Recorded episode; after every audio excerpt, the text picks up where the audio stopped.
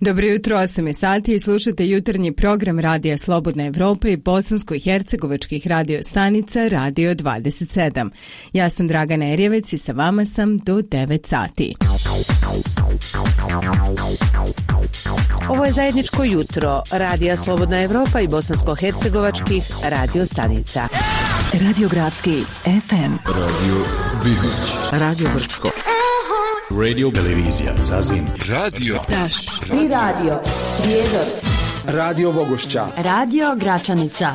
Radio Velika Kladuša. Radio Studio N. Magic Radio Milići. Radio Mostar. Radio Konjic. Radio X. Omladinski radio. Radio Slon. Josit radio. Radio Tešanj. Radio Bosanska Krupa. Radio Višegrad. Radio ZOS. Radio Žepče. Šik radio Mrkonjić grad. Radio Goražde. Kontakt Radio Banja Luka. Radio Jablanica. Radio 1503 Zavidovići.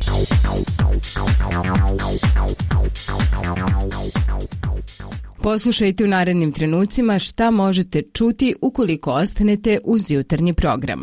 Save samostalnih sindikata Bosne i Hercegovine u Sarajevu organizuje protesnu šetnju.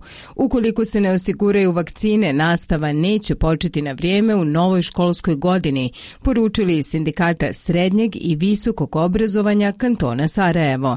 Komitet ministara Vijeća Evrope pozvao bosansko-hercegovačke vlasti da do 1. septembra pripreme nacrt izmjena i dopuna Ustava i izbornog zakona Bosne i Hercegovine. Pandemija koronavirusa u Bosni i Hercegovini potpuno zaustavila proces transplantacije organa. Kako će biti organizovano poslovanje željeznice Republike Srpske u budućnosti nakon procesa reorganizacije, istraživao je kolega Arnes Grbešić.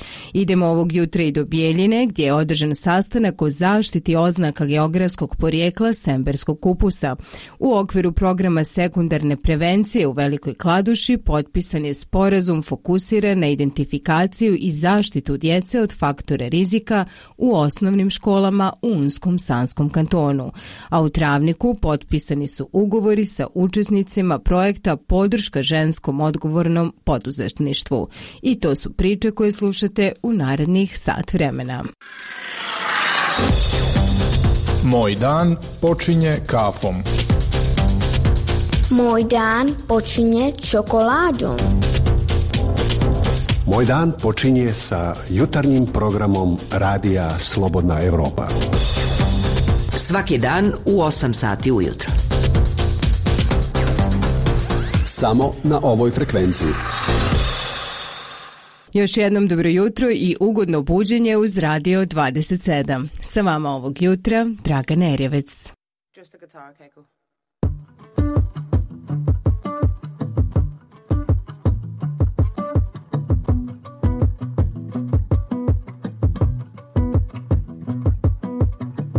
This was all you, none of it me. You put your hands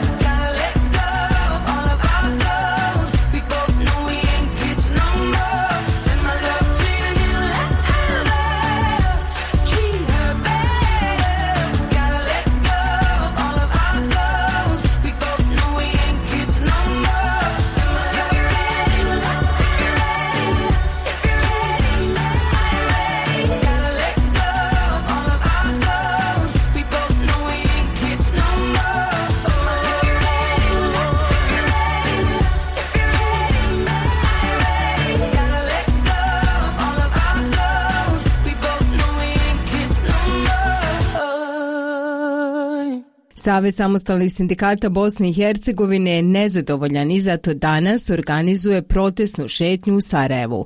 Zbog čega su nezadovoljni koji su zahtjevi od vlade Federacije Bosne i Hercegovine opširnije u prilogu naše dopisnice Munevere Bašić-Hodžić. Protestna šetnja počinje ispred sjedišta Udruženja poslodavaca, a završit će ispred sjedišta vlade Federacije Bosne i Hercegovine.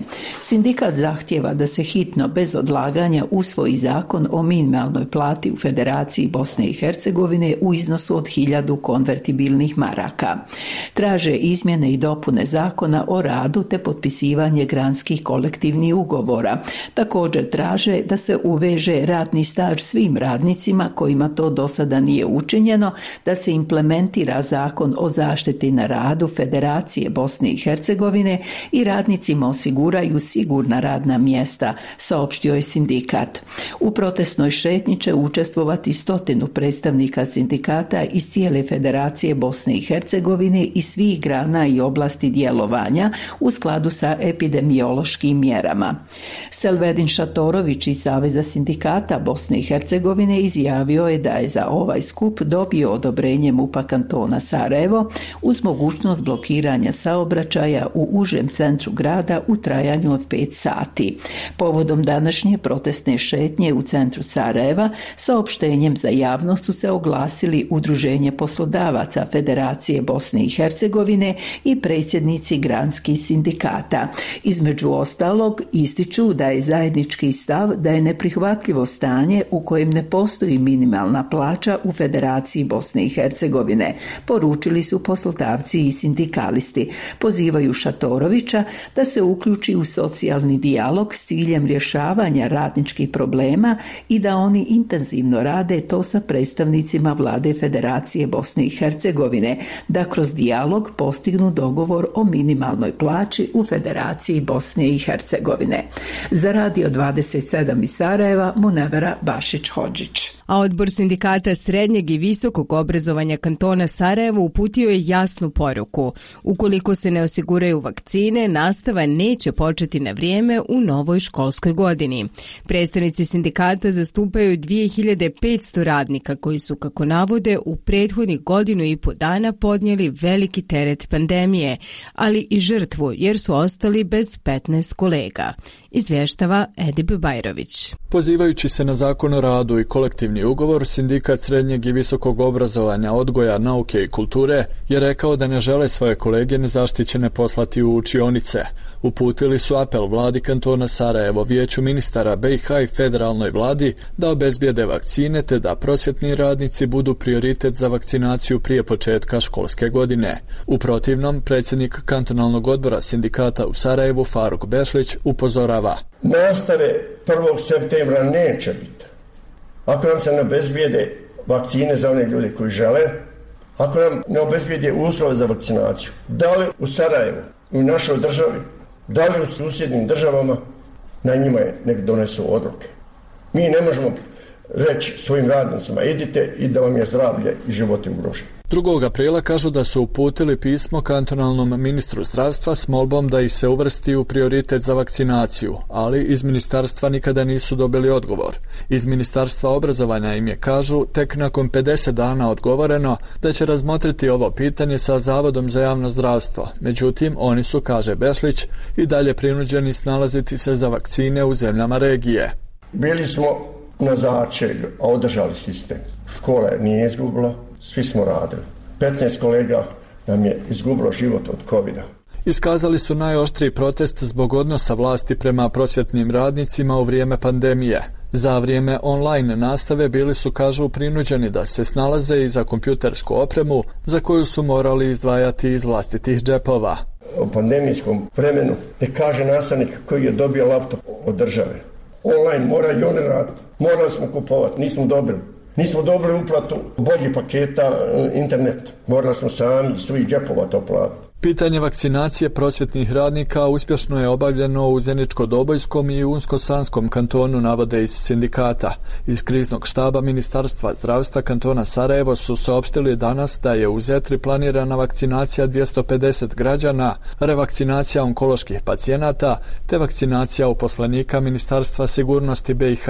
U protekla 24 sata u kantonu Sarajevo je evidentirano sedam novih slučajeva zaraze koronavirusom. Za radio Slobodan Slobodna Evropa iz Sarajeva Edib Bajrović.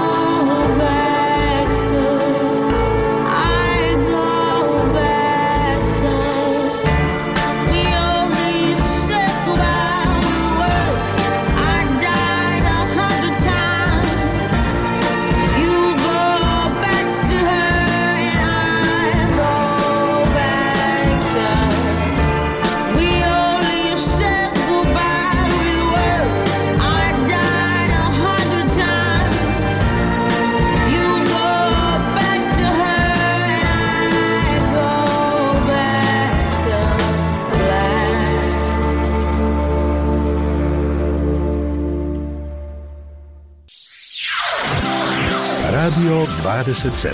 Jutarnji program Radija Slobodna Evropa i bosansko-hercegovačkih radiostanica. Imamo zajedničku viziju. Slijedimo svoju misiju. Profesionalno, informativno, zanimljivo. Radio 27. Komitet ministara Vijeća Evrope pozvao je bosansko-hercegovačke vlasti da do 1. septembra pripreme nacrt izmjena i dopuna Ustava izbornog zakona koji će osigurati da se izbori 2022. godine održe u skladu sa Evropskom konvencijom o ljudskim pravima. Oko 400.000 bosansko-hercegovačkih građana ili 12% stanovništva države ne mogu se kandidovati za člana predsjedništva Bosne i Hercegovine ili Dom naroda parlamenta BiH zbog svoje etničke pripadnosti ili teritorije na kojoj žive. Slušamo Maju Žuvelu. Jakob Finci, predsjednik jevrijske zajednice u BiH, više od decenije čeka provedbu presude Sejdić Finci protiv BiH Europskog suda za ljudska prava u Strasburu, kojom se traži uklanjanje diskriminatornih odredbi Ustava BiH.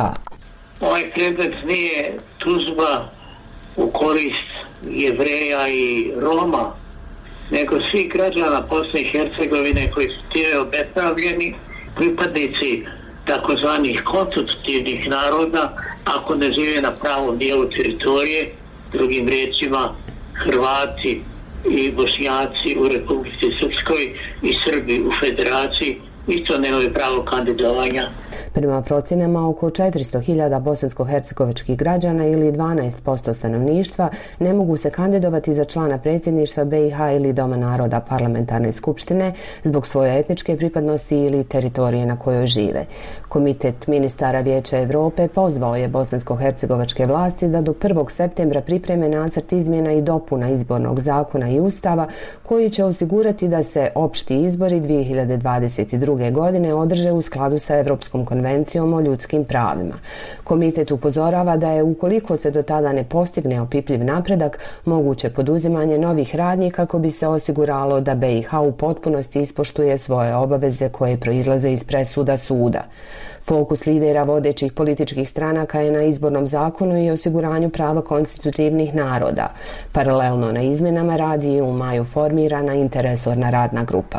Ministar pravde BiH Josip Grubeša. da smo mi prema obavezi koji je Bosna i Hercegovina ima prema Vijeću Europe trebali napraviti akcijski plan za provedbu presuda Europskog suda za ljudska prava. Međutim, akcijski plan se podudara sa inicijativom iz Parlamentarne skupštine Bosne i Hercegovine eh, gdje su tri institucija, to je Dom naroda, zastupnički dom i Vijeće ministara treba tri svoja predstavnika poslati u radnu skupinu za izmjene izbornog zakonodavstva i samim tim mi smo samo potvrdili ono što je već ranije parlamentarna skupština napravila i praktički e, usvojili akcijski plan identičan onome koji e, već funkcionira, odnosno koji radi na izmjenama izbornog zakona.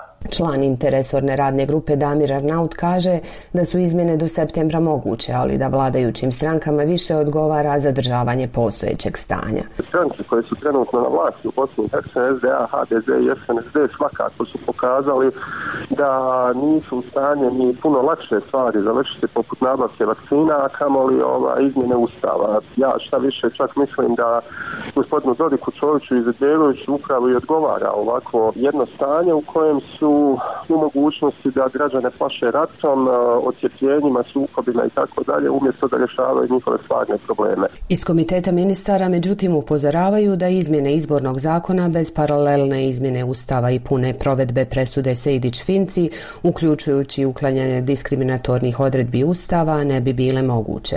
Faris Vehabović, sudac Evropskog suda za ljudska prava, kaže da bi zbog nepoštivanja sudskih odluka BiH mogla ostati bez prava glasa na Skupštini Vijeća Europe i suočiti se sa suspenzijom u ovom tijelu.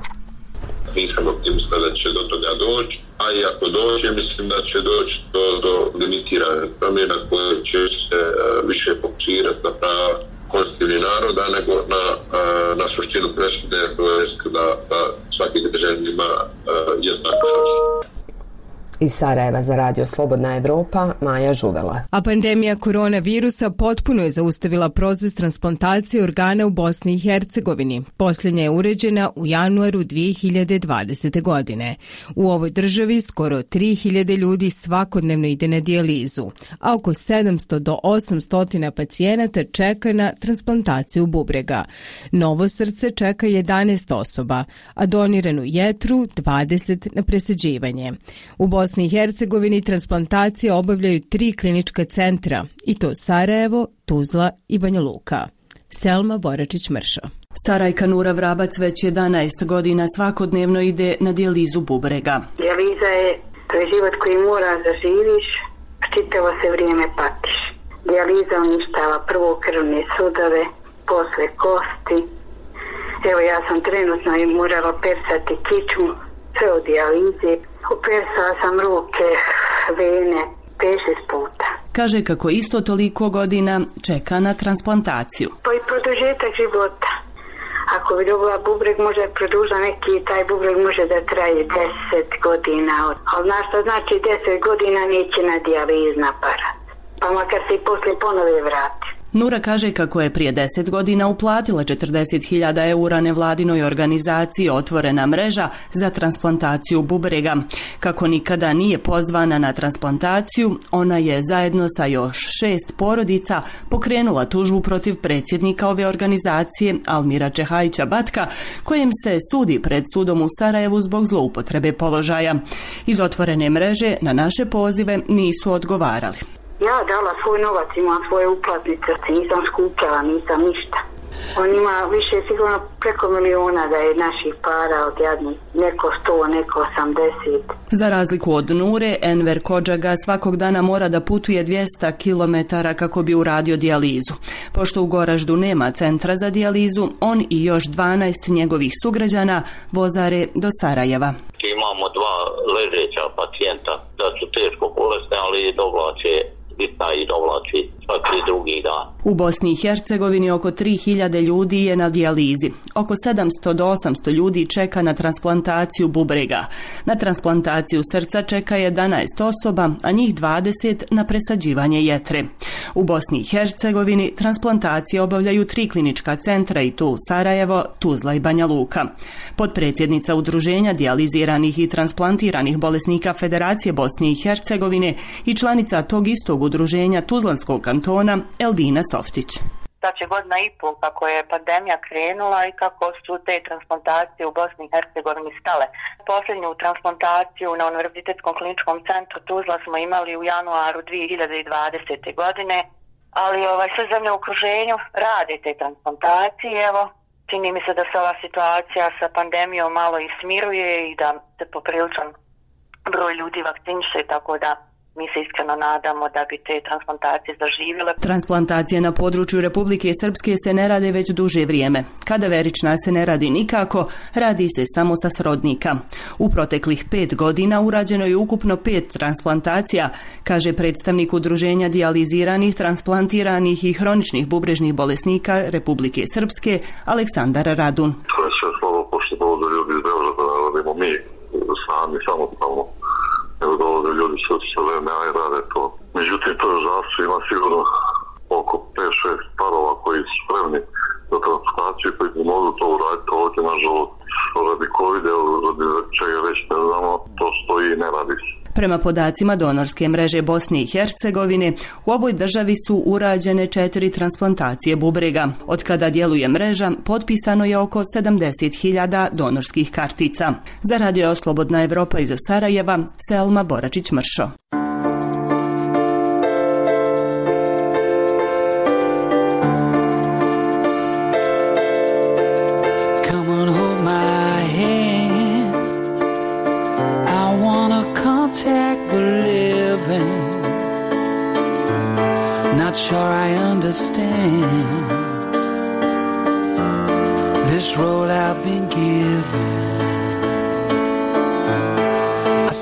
Talk to God, and He just laughs at my plans.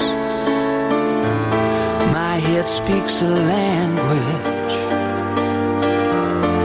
I don't understand.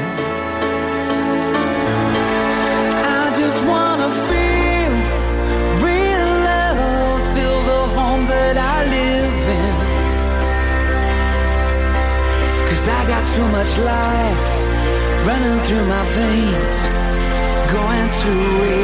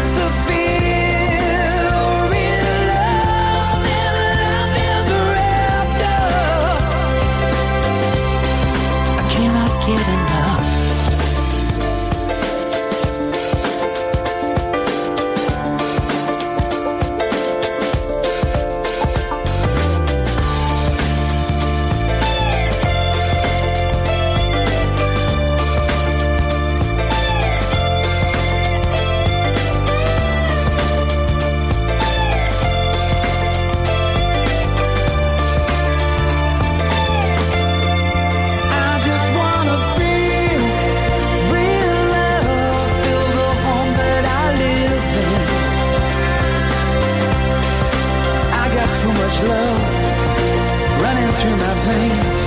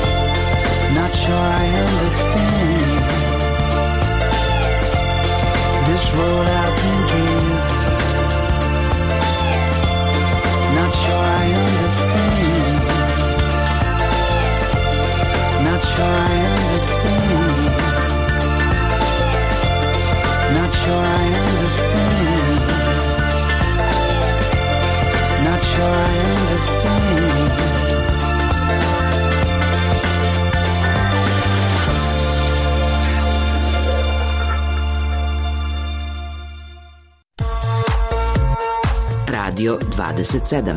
Probudite se s nama. Slušajte jutarnju emisiju Radija Slobodna Evropa i bosansko-hercegovačkih radio stanica Radio 27. Kako će biti organizovano poslovanje željeznice Republike Srpske u budućnosti nakon procesa reorganizacije još uvijek se ne zna. Predstavnici radnika smatraju da preduzeće nije spremno na tržištu da posluje kao holding, na čemu rade predstavnici vlasti. Više u priči Arnesa Grbešića. Prema sadašnjim planovima nadležni, željeznice Republike Srpske bit će organizovane kao holding. A što u ovom trenutku to konkretno znači nije postalo jasnije ni nakon nedavne posjete entitetskog ministra saobraćaja i veza Nedeljka Ćorića ovom preduzeću sa sjedištem u Doboju. U entitetskim željeznicama u toku je proces reorganizacije koji se finansira kreditom Svjetske banke, što kod predstavnika radnika izaziva dosta nedoumica i bojazni. Predsjednik sindikata za održavanje šinskih vozila Goran Čamđić. Pošto smatram mi jednoglasno sindikati da ovakav model organizovanja kao holdinga ne daje perspektivu željeznicama kao u nadu da ćemo moći tako funkcionisati. A u prilog tome idu, pošto zemlje u okruženju koje su tako pristupile takvom vrstu organizovanja imaju niz problema i čak, čak ovaj, pokazalo se da to nije za naše željeznice pogotovo ovakve nerazvijene adekvatno. Najveći je problem što nepripremljeni ulazimo u tu tržišnu utakmicu, znači kadrovski smo, infrastrukturalno, sredstvima za rad nismo dovoljno pripremljeni, znači da bi mi mogli biti konkurentni na takvom slobodnom tržištu rada. Na primjedbe sindikalaca odgovara resorni ministar Nedeljko Ćorić. Željeznice nemaju problem od juče, željeznice imaju problem dugi niz godina i sve ovo radimo da bismo riješili te probleme nagomilane koje jesu u željeznicama. Naravno, postoji bojazan zato što oni čitaju, recimo, prijedloge koje nama dostavljaju konstante, ali to nisu odluke koje smo mi donijeli. Konstante daje svoje prijedloge, daje svoje sugestije, daje neka mišljenja kako je to rađeno u okruženju, u državama Evropske unije, ali mi to pokušavamo uvijek da prilagodimo uslovima u kojima mi živimo, ovaj, kapacitetima koje mi imamo. Predsjednik sindikata transportne djelatnosti Zlatko Marin. Većina nije zadovoljna s odlukom vlade o o organizovanju željeznice kao holding. Predlog je da pokušamo da se vratimo na vertikalno integrisano ako to vlada prihvati. Ako ne, ićemo sa nekim, e, nekom organizacijom holdinga čvršćom gdje bi preduzeće ostalo ipak u jednom dijelu. S predstavnicima sindikata još nije usaglašeni prijedlog nove sistematizacije radnih mjesta, dodaje Marin. Znači, ono što smo mi dogovorili da zajedničkim snagama idemo dalje ka završetku tog restrukturiranja i da u daljem periodu da se što hitnije uđe u izradu sistematizacije i sad trenutno je aktuelno e, uvođenje, odnosno e, popis imovine koje, koju željeznica ima, šta je stvarno željezničko, a šta je e, šta pripada nekom drugom. Znači, konkretni koraci su da se ide dalje, da se završava po tom pitanju i pitanje sistematizacije stvarne, znači da vidimo koje su to stvarne potrebe, koliko je, koji je broj radnika potreba na željeznici da bi željeznica mogla funkcionisati. Generalni direktor željeznica Republike Srpske Željko Radić. Strukturi zaposleni imamo jedan značajan broj zaposlenih koji imaju smanjenu radnu sposobnost, ne mogu da učestvuju, tražit ćemo modele kako na najefikasniji, najbolji način da te, da kažemo, radnike zbrinemo, da bismo omogućili zapošljavanje prijeko potrebnog e, tehničkog kadra i svih onih zanimanja koji su neophodni za ostvarivanje planova poslovanja i za efikasnije e, rad željeznica da li e, kompletno u ovom strukturi ili funkcionisanje u nekoj predviđenoj budućoj holding strukturi gdje bi imali krovnu organizaciju holdinga i tri zavisna preduzeća. Za Radio 27 Arnes Grbešić.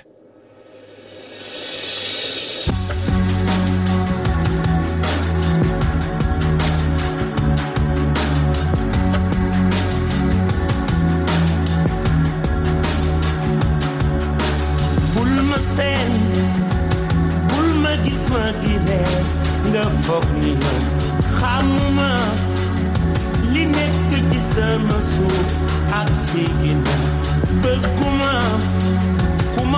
dal yow li nekk si yow moo ne si man li ne si man mooy di leen jàppale we should be using. I'm the ones who practice cricket charms for the sword and the stone. Back to the bone. Battle's not over, even when when a child is born into this world, it has no concept of the tone skin living in. It's not a second, We're seven seconds away. Just as long as I stay, I'll be waiting. It's not a second, we're seven seconds away. Or just as long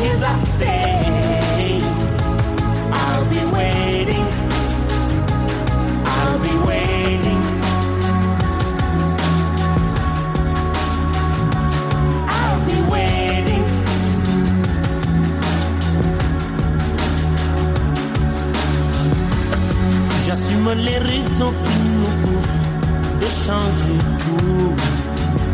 J'aimerais qu'on oublie le couleur Beaucoup de sentiments, de race qu'il faut qu'ils désespèrent. Je veux les gamins ouverts, des amis pour parler de leur peine, de leur joie pour qu'ils le vivent. Des infos qui ne divisent pas. Changer. Seven seconds away. Just as long as I stay, I'll be waiting. It's not a second, we're seven seconds just as long as I stay, I'll be waiting. I'll be waiting.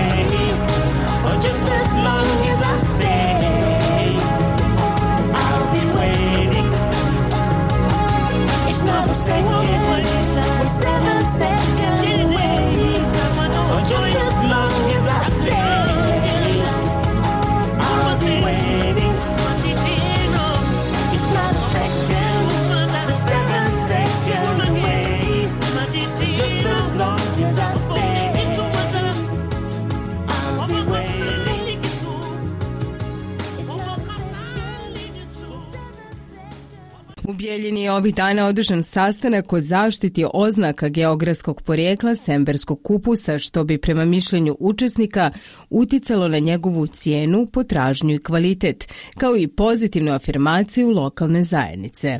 Na sastanku je usaglašeno da će prvi korak u ovom procesu biti mapiranje proizvođača kupusa u Semberiji, koje obuhvata precizno definisanje proizvodnih površina i sjemenskog sortimenta. Opširnije o priči Zorana Svjetinovića. Proizvodi zaštićeni oznakama geografskog porijekla su dosta konkurentniji, prepoznatljiviji te imaju veću cijenu i dok je u Europskoj uniji prepoznat značaj i vrijednost zaštićenih i brendiranih proizvoda sa oznakama geografskog porijekla, Bosna i Hercegovina i dalje zaostaje. Ipak u posljednje vrijeme u Republici Srpskoj je oznaku geografskog porijekla dobio nevesinski krompir. Da li bi oznakom geografskog porijekla u buduće mogao biti zaštićen i kupus po kojem je nadaleko poznata Semberija? Odgovor su nam dali profesor dr. Grujica Vico, Poljoprivredni fakultet Univerziteta u Istočnom Sarajevu i Nikola Stajić, diplomirani inženjer poljoprivrede iz Semberskog sela Velika Obarska.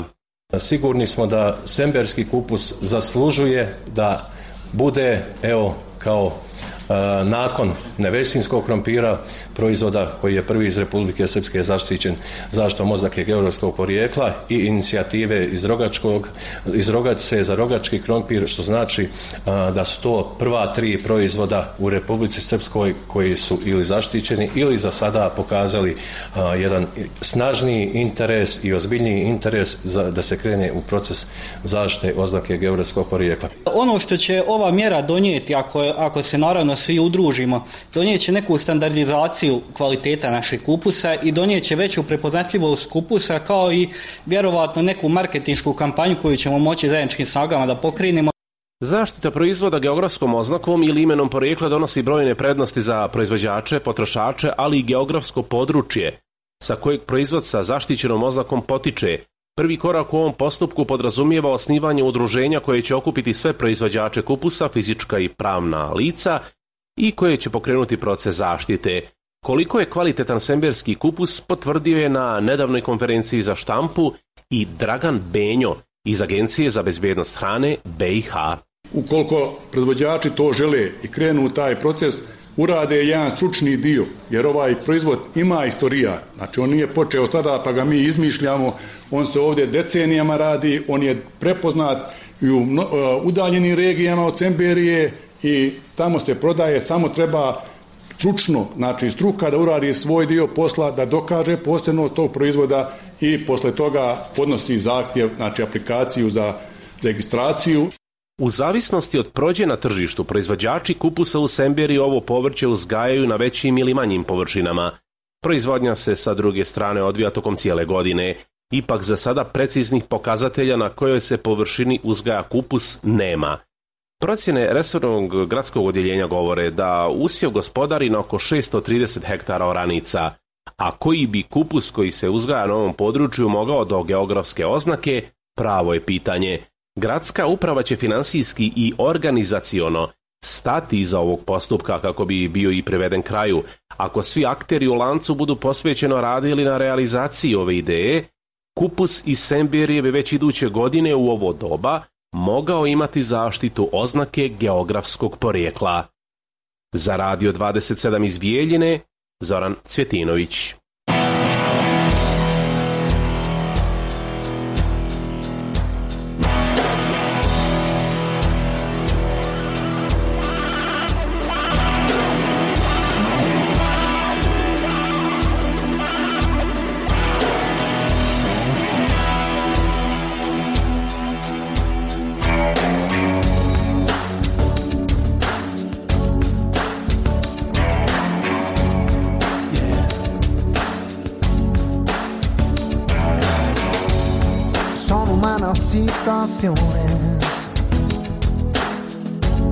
Los momentos de los dos,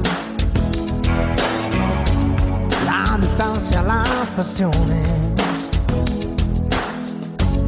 encontrar una razón. Hoy, como siempre,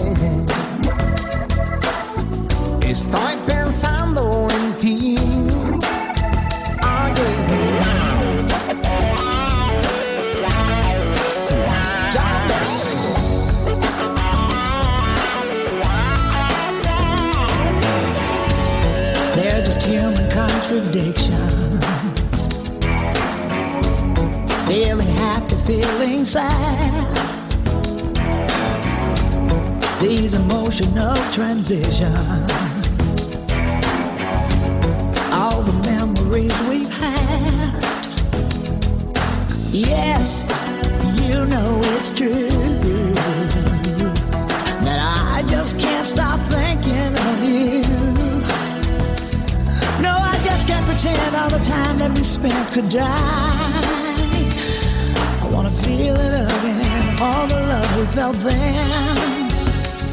Corazones flechados, pero de cada cual.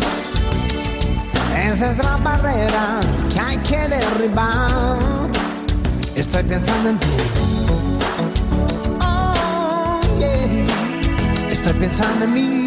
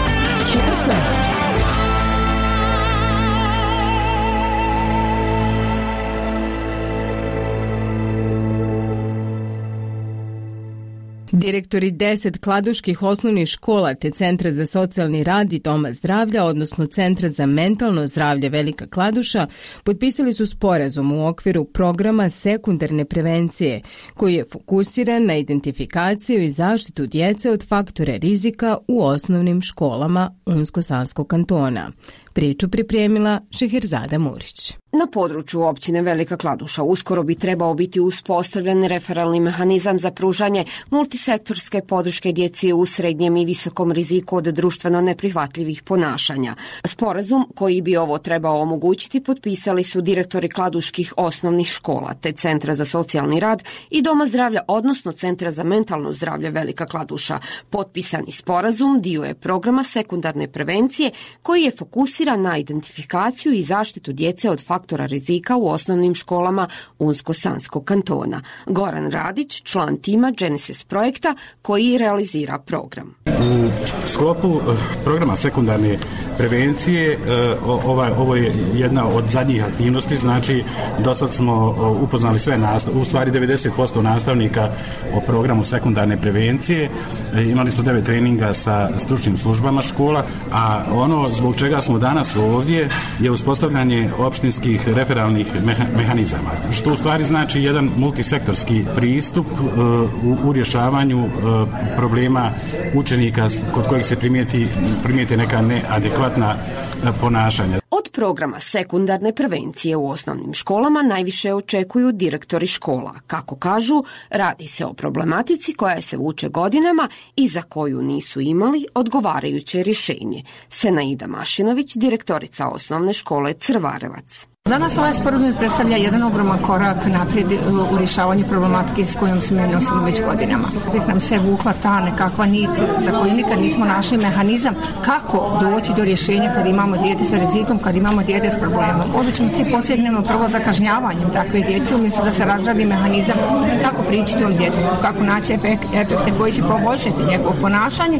a ono u krajnjem e, slučaju cilj je pronaći uzrok problema s kojim se dijete nosi i kako se razvila strategija ka rješavanju tog problema. E, imajući u vidu da naše škole osiromašene su što se tiče struke, znači mi nemamo psihologa u školama, tako da obično ta djeca su da se završavala prepuštena sama sebi ili su podlijegala kažnjama smanjenim vladanjem, ukrom direktora, razredni, razrednog starješne, ukrom nasljedničkog vijeća, pa oni budu onda obilježeni među drugom djecom. Međutim, ovo sad je znači jedna novost za nas sviju koja će, ako Bog da, što više akcenta staviti na samo dijete koje je u riziku problemu. I u Centru za socijalni rad i u Centru za mentalno zdravlje Doma zdravlja Velika Kladuša koji su od ranije uključeni u rad sa djecom kod kojih je primijećeno neprihvatljivo ponašanje, očekuju bolje rezultate tog rada. Emira Veljačić, direktorica Centra za socijalni rad i Evresa Okanović, VD Doma zdravlja Velika Kladuša. Mi 2015. godine izišao je zakon o postupanju e, sa maloljetnicima u krivičnom postupku gdje je znači tačno tu e, definisana uloga Centra socijalni rad. Tako da smo mi uključeni znači od bilo e, da je u pitanju bilo kakva vrsta nasilja, da li bilo fizičko, da li bilo psihičko, da li je to i, i, i vršnjačko nasilje u školama. Naravno, centar je tu jedna od karika Ovo je nešto novo i radi se znači o svim rizicima ponašanja djece u školi od početka znači njegove perioda školovanja prvog razda pa nadalje i praćenje naravno njegovog ponašanja, njegovog oblika interpersonalnih odnosa ili eventualno uočavanje nekih promjena kod djeteta koje bi trebale i bile neophodne da se tretiraju od strane stručnih lica, bilo psihologa, bilo psihijatra, socijalnog radnika i tako dalje. Da i mi se s tim bavimo već dugo i pre- primarnom prevencijom i naravno ovom sekundarnom prevencijom i poremećajima kod djece. Imamo dva psihologa, imamo psihijatra, socijalnog radnika, sestre medicinske i tako dalje. U svakom slučaju bilo kakav napredak koji bi bio vezan da se prevenira nekakav faktor ili rizikofaktor da ne dođe do nekakvih poremećaja djece u školskom periodu nad drugom djecom ili nad bilo kim u školi je jedna pozitivna znači, poruka. Za radio 27 iz Velike Kladuše, Šehrzada Murić. U prostorijama Centra za edukaciju mladih Travnik potpisani su ugovori sa poduzetnicama koje su podržane kroz projekat Podrška ženskom odgovornom poduzetništvu, koje je Centar za edukaciju mladih realizovao u saradnji sa organizacijom PINA i Slovenije. Iz Travnika se javlja Rahela Čabro. U prostorijama Centra za edukaciju mladih u Travniku potpisani su ugovori sa poduzetnicama koje su podržane kroz projekat Podrška ženskom odgovornom poduzetništvu kojeg je CEM realizovao u saradnji sa organizacijom PINA iz Slovenije. Radi se o poduzetnicama iz Travnika, Bugojna i Sarajeva koje će kao podršku dobiti sredstva za razvoj njihovih biznisa u visini od po 2500 eura. Tim povodom Rismir Krajišnik, PR CEMA. Fokus je na ženama poduzetnicama, dakle na jačanju njihovih poduzetničkih vještina, budući da smo prepoznali da u Bosni i Hercegovini i nema baš mnogo prilika za žene poduzetnice, e, tako da evo danas četiri poduzetnice iz Travnika, Bugojna i Sarajeva potpisuju svoje ugovore o a, finansiranju a, njihovih biznis ideja i a, naravno njihovoj realizaciji praksi. Poduzetnica iz Travnika Mirila Đinić dobila je podršku za biznis ideju tekstilni dizajn kao ambasador kulturne baštine. Kao što je mnogima vjerovatno i poznato, Mirila je vlasnica brenda Senses. Dijelom sam projekta e, koji je podržao žensko poduzetništvo e, i drago mi je evo što sam sa svojom idejom e, koja kaže tekstilni dizajn kao ambasador kulturne baštine uspjela da osvojim ovu podršku i, i da proširim u stvari svoje poslovanje i asortiman u smjeru nekih novih proizvoda koji su dijelom turističke ponude kako travnika tako i ovaj šire. Cjelokupan projekat usmjeren je ka uključivanju žena u procese donošenja odluka te kreiranje sistemskih rješenja vezanih za žensko poduzetništvo, kako bi poduzetnice imale sveobuhvatnu podršku u razvoju i realizaciji svojih poslovnih ideja u našoj zemlji. Ovo je jedan u nizu projekata koji Centar za edukaciju mladih realizuje kroz svoje B-Zone biznis inkubatore, a u cilju kreiranja posticajnog okruženja za samozapošljavanje mladih i njihovog motivisanja da kreiraju i realizuju svoje poslovne ideje. Za Radio 27 iz Travnika, Rahela Čabro.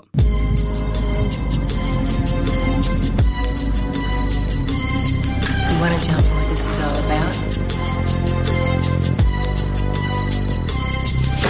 As I walk through the valley of the shadow of death, I take a look at my life and realize there's nothing left. Cause I've been blasting and laughing so long that even my mama thinks that my mind is gone. But I ain't never crossed a man that didn't deserve it.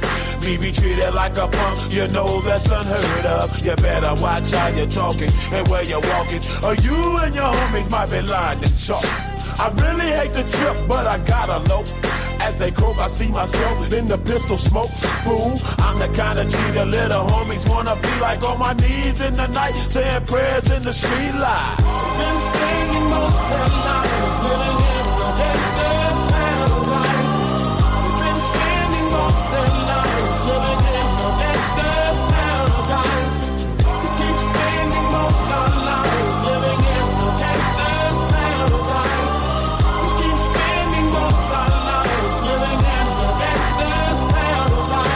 Look at the situation they got me facing.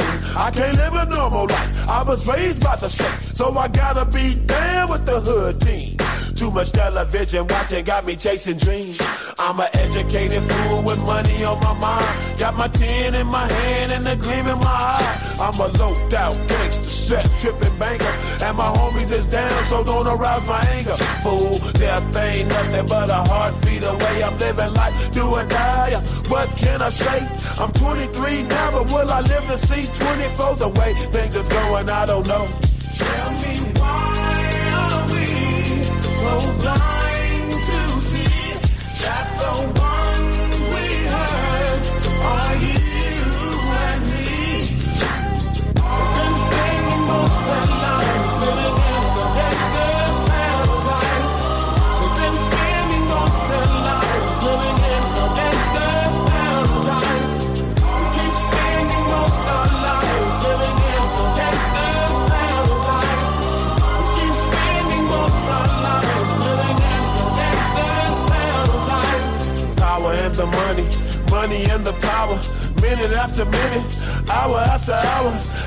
everybody's running, but half of them ain't looking what's going on in the kitchen. But I don't know what's cooking. They say I got to learn, but nobody's here to teach me. If they can't understand it, how can they reach me? I guess they can't, I guess they won't, I guess they front. That's why I know my life is out of luck, fool.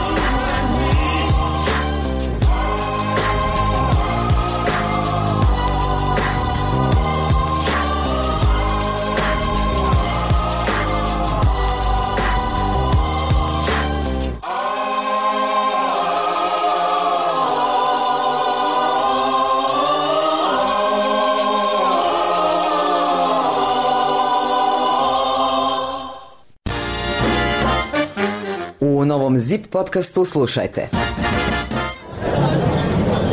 da se stvori ambijent u kojem je potpuno zabranjeno pušenje ono, u zatvorenim prostorima, pa tako i u ugostiteljskim objektima, da li bi pomoglo da se baci cigara? Ma ne bi. Ja sam za Ma ne bi pomoglo. Ko je pušač ne bi. Oni nisu svjesni šta radi osoba, ni vi. Znači, trujete se, aj trujete meni.